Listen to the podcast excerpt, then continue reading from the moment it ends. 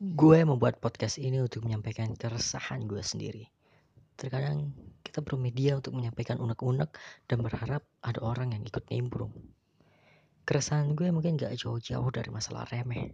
Soal cinta, soal kejadian di sekitar, dan mungkin sesuatu yang gue rasa agak berbahaya. Gue Febri, dan inilah kolom netizen.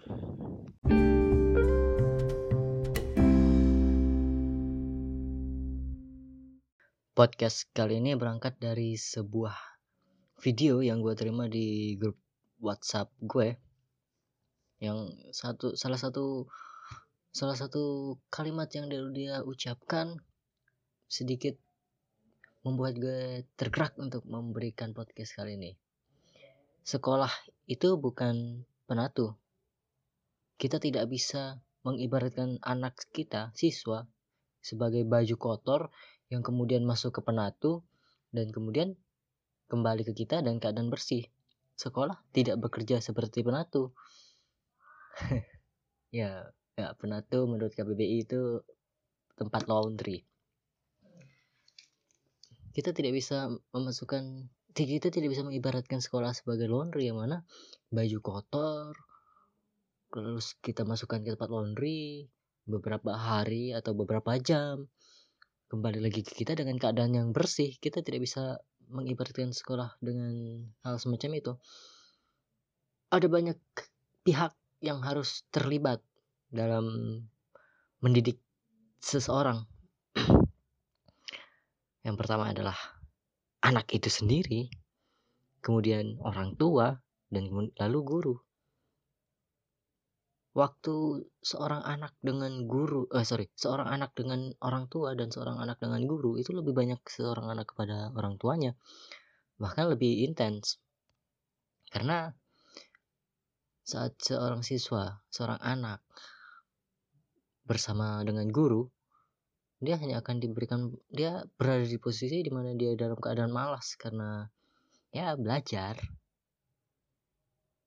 Itu kebanyakan anak-anak mau malas kalau disuruh belajar. Tapi saat dia dengan orang tuanya dia akan dalam berada dalam posisi yang tenang enjoy. Itu adalah rumahnya tempat dia beristirahat dan tempat dia berkumpul. Itu lebih efektif untuk memberikan pelajaran-pelajaran soal moral tingkah laku dan hal-hal baik lainnya. Jadi gue agak sedikit uh, males saat dengar ada orang yang bilang bahwa wah lihat anak-anak zaman sekarang. Ini gara-gara kurikulum gara-gara K13 gara-gara sistem pendidikan. Bacot. Nggak nggak nggak nggak bisa kita menyalahkan satu sisi baik itu pemerintah ataupun gurunya karena karena uh, sifat seorang anak tidak bisa dibentuk hanya dalam satu semester yang satu semesternya terdiri dari enam bulan yang enam bulannya dipertemukan dalam enam hari dalam satu minggu yang dalam satu harinya hanya bertemu sekitar uh, enam tujuh jam. Nggak bisa kita mengibaratkan dengan itu. Kita tidak bisa menyalahkan guru yang bertemu dengan siswa hanya enam jam bahkan kurang. Mungkin mungkin ya kalian pikir bahwa seorang guru harusnya bisa bekerja dengan ikhlas menyampaikan ilmu karena itu dapat berhala tapi ah kaman dude. Kalau kalau anak-anaknya sudah dari dasarnya memiliki noda membandel ya ya gurunya malah pikiran tuh enggak gua gua jadi gua gua gua perkenalkan dulu bahwa profesi profesi. Pekerjaan gue saat ini adalah guru. Pekerjaan gue saat ini adalah guru di sebuah sekolah swasta. Dan uh, gimana ya? Gue sedikit curhat deh. Ini adalah di sekolah ini adalah saat uh, kali pertama ya gue merasa gagal sebagai seorang pengajar. Baik itu mengajar di saat gue magang dulu maupun saat gue mengajari teman-teman gue dan inilah satu-satunya saat gue gagal. Anak-anak terlahir bagai kertas putih. Tinggal bagaimana orang-orang di sekitarnya mewarnai dia. Karena pensil warna yang dipegang oleh orang-orang di sekitarnya ini diserahkan dari satu orang ke orang lain yang pastinya berbeda-beda. Orang tuanya mengajarinya bagaimana di sekitar lingkungannya bagaimana dan saat dia di sekolah bagaimana semuanya berbeda. Sebagai seorang guru gua gua merasa bahwa tugas tugas kami memang mengajari sesuai dengan kompetensi dasar yang telah ditetapkan oleh pemerintah dan menyelipkan beberapa menyelipkan beberapa pengajaran baik yang berguna bagi kehidupan mereka. Bahwa ya mungkin gue adalah tipe guru yang males untuk bermain-main dengan nilai, malas mengancam mereka dengan nilai. Bahkan di buku mereka gue tidak akan menuliskan nilai, tapi cukup komentar dari pekerjaan yang mereka buat. Dan nilainya gue simpen sendiri karena nilai bisa diatur, tapi moral mereka yang nggak bisa diatur seperti nilai. Karena capek loh memandang hidup dari angka. Seperti yang gue bilang bahwa waktu dengan orang tua seorang anak itu lebih banyak dibandingkan waktu dengan gurunya. Kita hitung dari waktu dia lahir, dari dia kandungan saja sudah sangat lama. Kita anggap minimal seorang bersekolah atau menempuh pendidikan sampai jenjang sarjana itu ya 12 tambah 4 mungkin 16 tahun sampai 20 tahun lah. 20 tahun kebanyakan sih. Dalam ya sekitar 16 tahun lah mungkin ya 16 tahun 16 17 tahun mereka menempuh pendidikan. Namun kehidupannya tentu akan lebih banyak dengan orang tua bagaimana cinta yang sebenar-benarnya adalah orang tua mereka kepada anaknya sendiri ini karena secinta apa pun seorang guru kepada muridnya tidak akan bisa mengalahkan cinta orang tua kepada anaknya. Jadi gue punya beberapa saran sih untuk kita sama-sama membangun uh, akhlak, moral dan tingkah laku tata cara mereka me menyikapi orang lain, bersikap dengan orang lain sebagai seorang kakak, sebagai seorang orang tua, sebagai saudara, sebagai teman. Ya, jangan menampilkan sisi buruk kita. Setiap orang pasti punya sisi buruk lah. Gua gua contohnya gua gua juga suka beberapa kali ngomong kasar, ngomong kotor, tapi itu ke ke lingkaran tertentu. Saat gue berada di lingkaran ini yang gue tahu mereka cukup dewasa untuk mengartikan bahwa apa yang gue ucapkan bukanlah sesuatu yang uh, apa yang gue ucapkan ini bukanlah sesuatu yang sangat buruk atau sesuatu yang perlu disebar-sebarkan. Tapi saat gue sudah pindah dari lingkaran satu ke lingkaran lain gue akan membuat diri gue menjadi sesuatu yang berbeda lagi. Ada kata-kata yang mesti gue jaga ada bagaimana cara memandang cara bersikap cara berbicara yang gue pikir harus kepada lingkungan ini. Tapi bukan berarti kita mukanya muka dua bukan gitu. Tapi ini adalah bagaimana cara kita bersikap. Kita tidak bisa menyamakan sikap kita kepada si A dengan si B. Karena keduanya ini memiliki pribadi yang berbeda kita hanya perlu mencocokkan mana yang bisa kita tampilkan ke dia ke si A dan mana bagian mana yang bisa kita tampilkan ke si B. Dan kembali lagi ke masalah sekolah. Mungkin itu sih bagaimana gue tidak sukanya saat pendidikan sistem pendidikan kurikulum dijadikan kambing hitam atas bagaimana kelakuan anak zaman sekarang aneh. Saat saat ini beberapa kali gue gua mendapati video cabul video mesum yang seseorang seseorang seorang laki-laki dengan seorang wanita melakukan uh, kegiatan intim dengan berpakaian seragam bahkan ada yang SMP bahkan melakukan itu dan akhirnya yang disalahkan pendidikannya. Padahal lebih luas dari itu sih yakin gue dan bagaimana uh, bagaimana cara orang berkata bagaimana seseorang seorang anak bertutur itu tidak bisa seorang guru memberikan filter kepada mereka. Setidaknya kita bisa mengajari mereka seorang guru sebagai seorang guru setidaknya yang bisa kami lakukan adalah saat dia ngomong itu dan kita dengar kita bilang kalau itu nggak baik sehingga saat orang ini si anak ini si murid ini si peserta didik ini berada di lingkungan dengan keberadaan orang dewasa, setidaknya dengan guru, dia tidak mengatakan itu.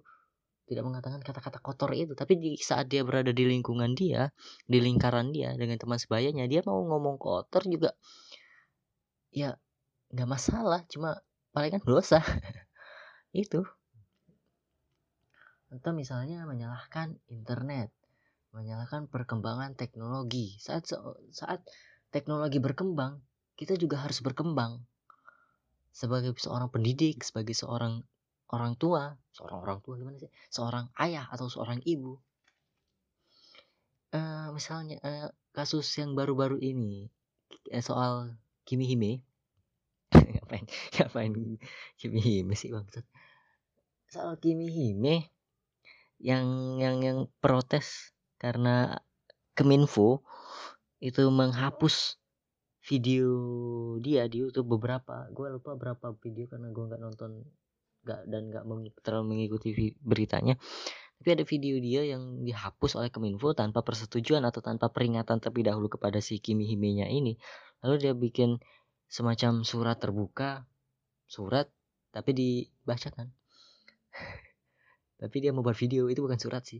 Seperti sebuah uh, pidato pidato lagi. Speech speech itu pidato sih. Semacam ya video lah.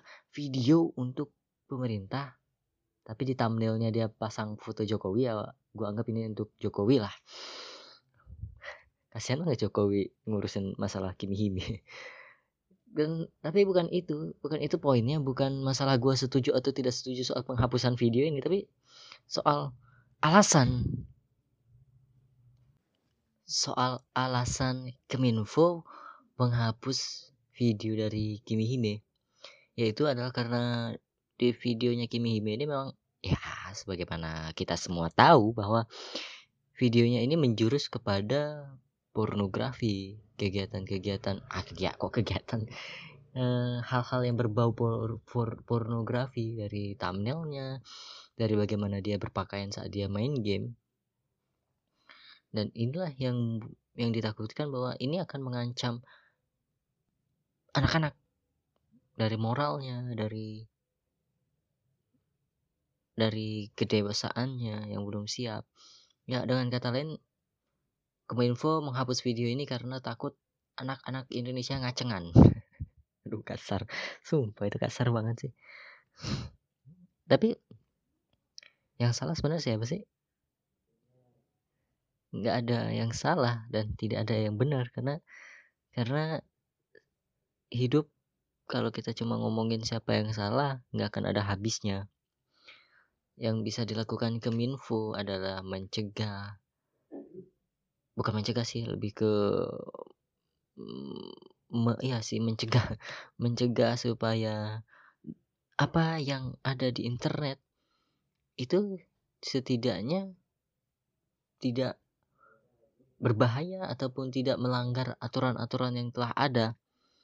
Seperti itu pun apa yang yang yang dilakukan oleh KPI Komisi Penyiaran Indonesia memberikan surat-surat peringatan kepada uh, televisi, kemudian televisi televisi menghormati surat-surat yang telah dilayangkan dan akhirnya televisi menyensor teteknya tupai.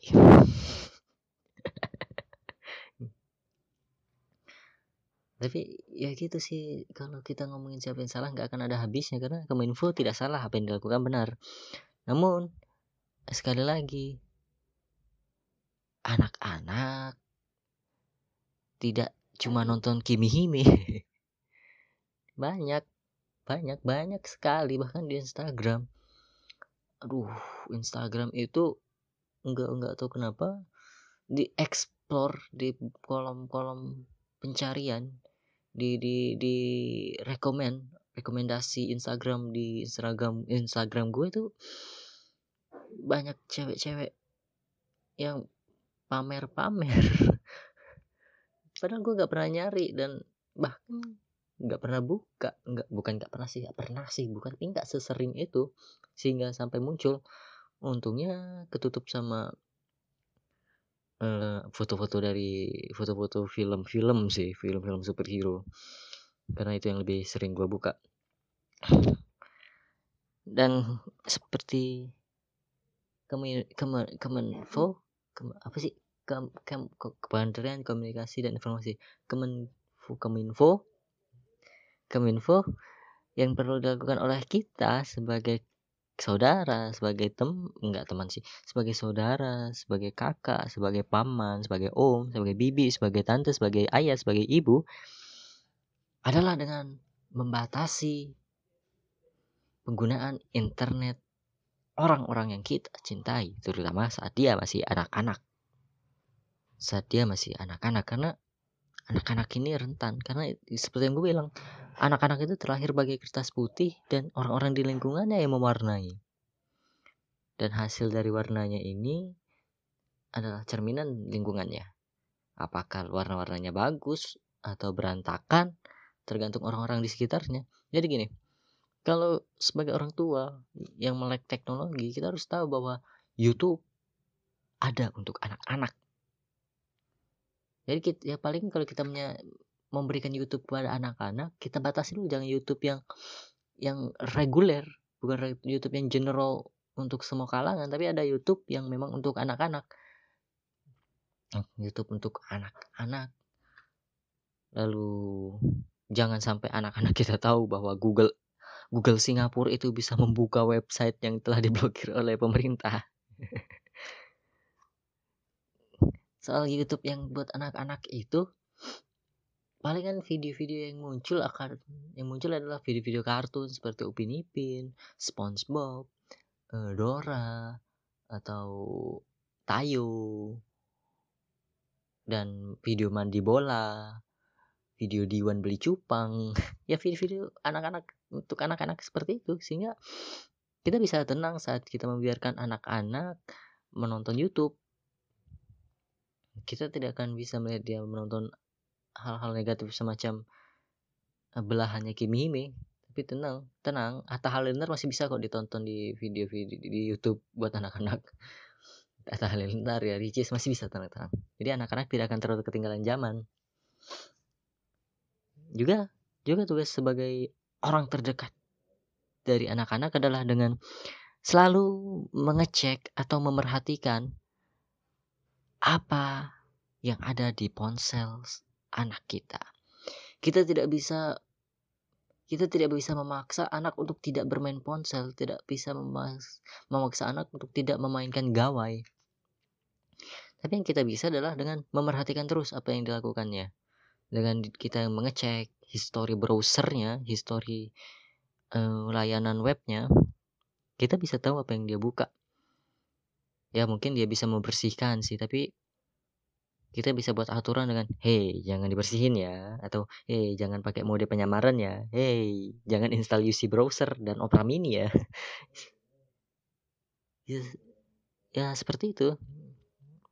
Jadi kita bisa membatasi pergerakan internet mereka video-video yang mereka simpan dan video apa yang pernah mereka tonton juga kita bisa sebagai orang tua kita bisa memproyek memproteksi anak kita dari hal-hal negatif. Dan tidak serta merta meng, mengambing hitamkan sekolah dan sistem pendidikan. Karena seorang guru hanya menjalankan apa yang telah terstruktur dalam silabus dalam kompetensi dasar yang perlu mereka ajarkan guru matematika tidak mempunyai tanggung jawab yang besar terhadap pembentukan moral anak. Ya, memang dalam kompetensi inti pertama dia harus mengajarkan soal keagamaan, soal soal bagaimana bersikap dengan sekitar. Itu di setiap kompetensi dalam pengajaran harus ada. Namun, apakah cukup seorang guru memberikan pelajaran trigonometri yang ribetnya luar biasa sekaligus menyampaikan pesan moral? Yang mana? Yang apakah mampu? Bisa, tapi tidak akan seefektif bagaimana orang tua mengajari anak-anaknya. Tapi gue tidak menyalahkan orang tua juga dengan dengan bagaimana an, jadinya anak mereka sekarang. Karena karena banyak sekali lingkungan pendorong dari sifat anak-anak yang terbentuk sehingga sebagai orang-orang terdekat dari seorang anak kita mempunyai tugas yang sama untuk memerhatikan bagaimana lingkungan mereka, bagaimana mereka saat keluar dari rumah, pakaiannya seperti apa, tingkah lakunya seperti apa. Dan sebagai orang tua kita tidak boleh bodoh amat dengan teman-teman mereka. Bagaimana kita harus selektif sebagai anak-anak, bagaimana pertemanan mereka. Dan gue setuju dengan kata-kata yang menyatakan bahwa lingkungan ah sorry kata-kata yang menyatakan bahwa seseorang harus memilih-milih dalam berteman. Tapi jangan memilih-milih untuk berkenalan. Ya setidaknya yang orang-orang yang dijadikan teman orang-orang yang dijadikan orang terdekat itu yang harus kita seleksi. Bukan kita ber ah orang ini kayak nggak baik nggak mau lah kenalan. Karena mungkin kita bisa belajar dari orang yang kita kenal. Kita bisa belajar dari seorang pengedar narkoba untuk tidak pernah memakai narkoba. Kita bisa belajar dari pemimpin perusahaan rokok yang tidak mau memakai rokok. Seperti itu. Kita bisa belajar belajar dari orang-orang yang terkesan memiliki citra negatif tapi ya itu utamanya gue bilang bahwa sekolah bukan penatu. Sekolah bukan tempat laundry. Gue Febri dan gue mau ucapkan.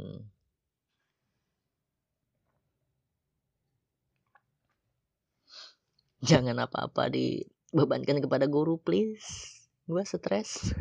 RPP gue belum selesai dan gue harus memperbaiki moral anak-anak. Ya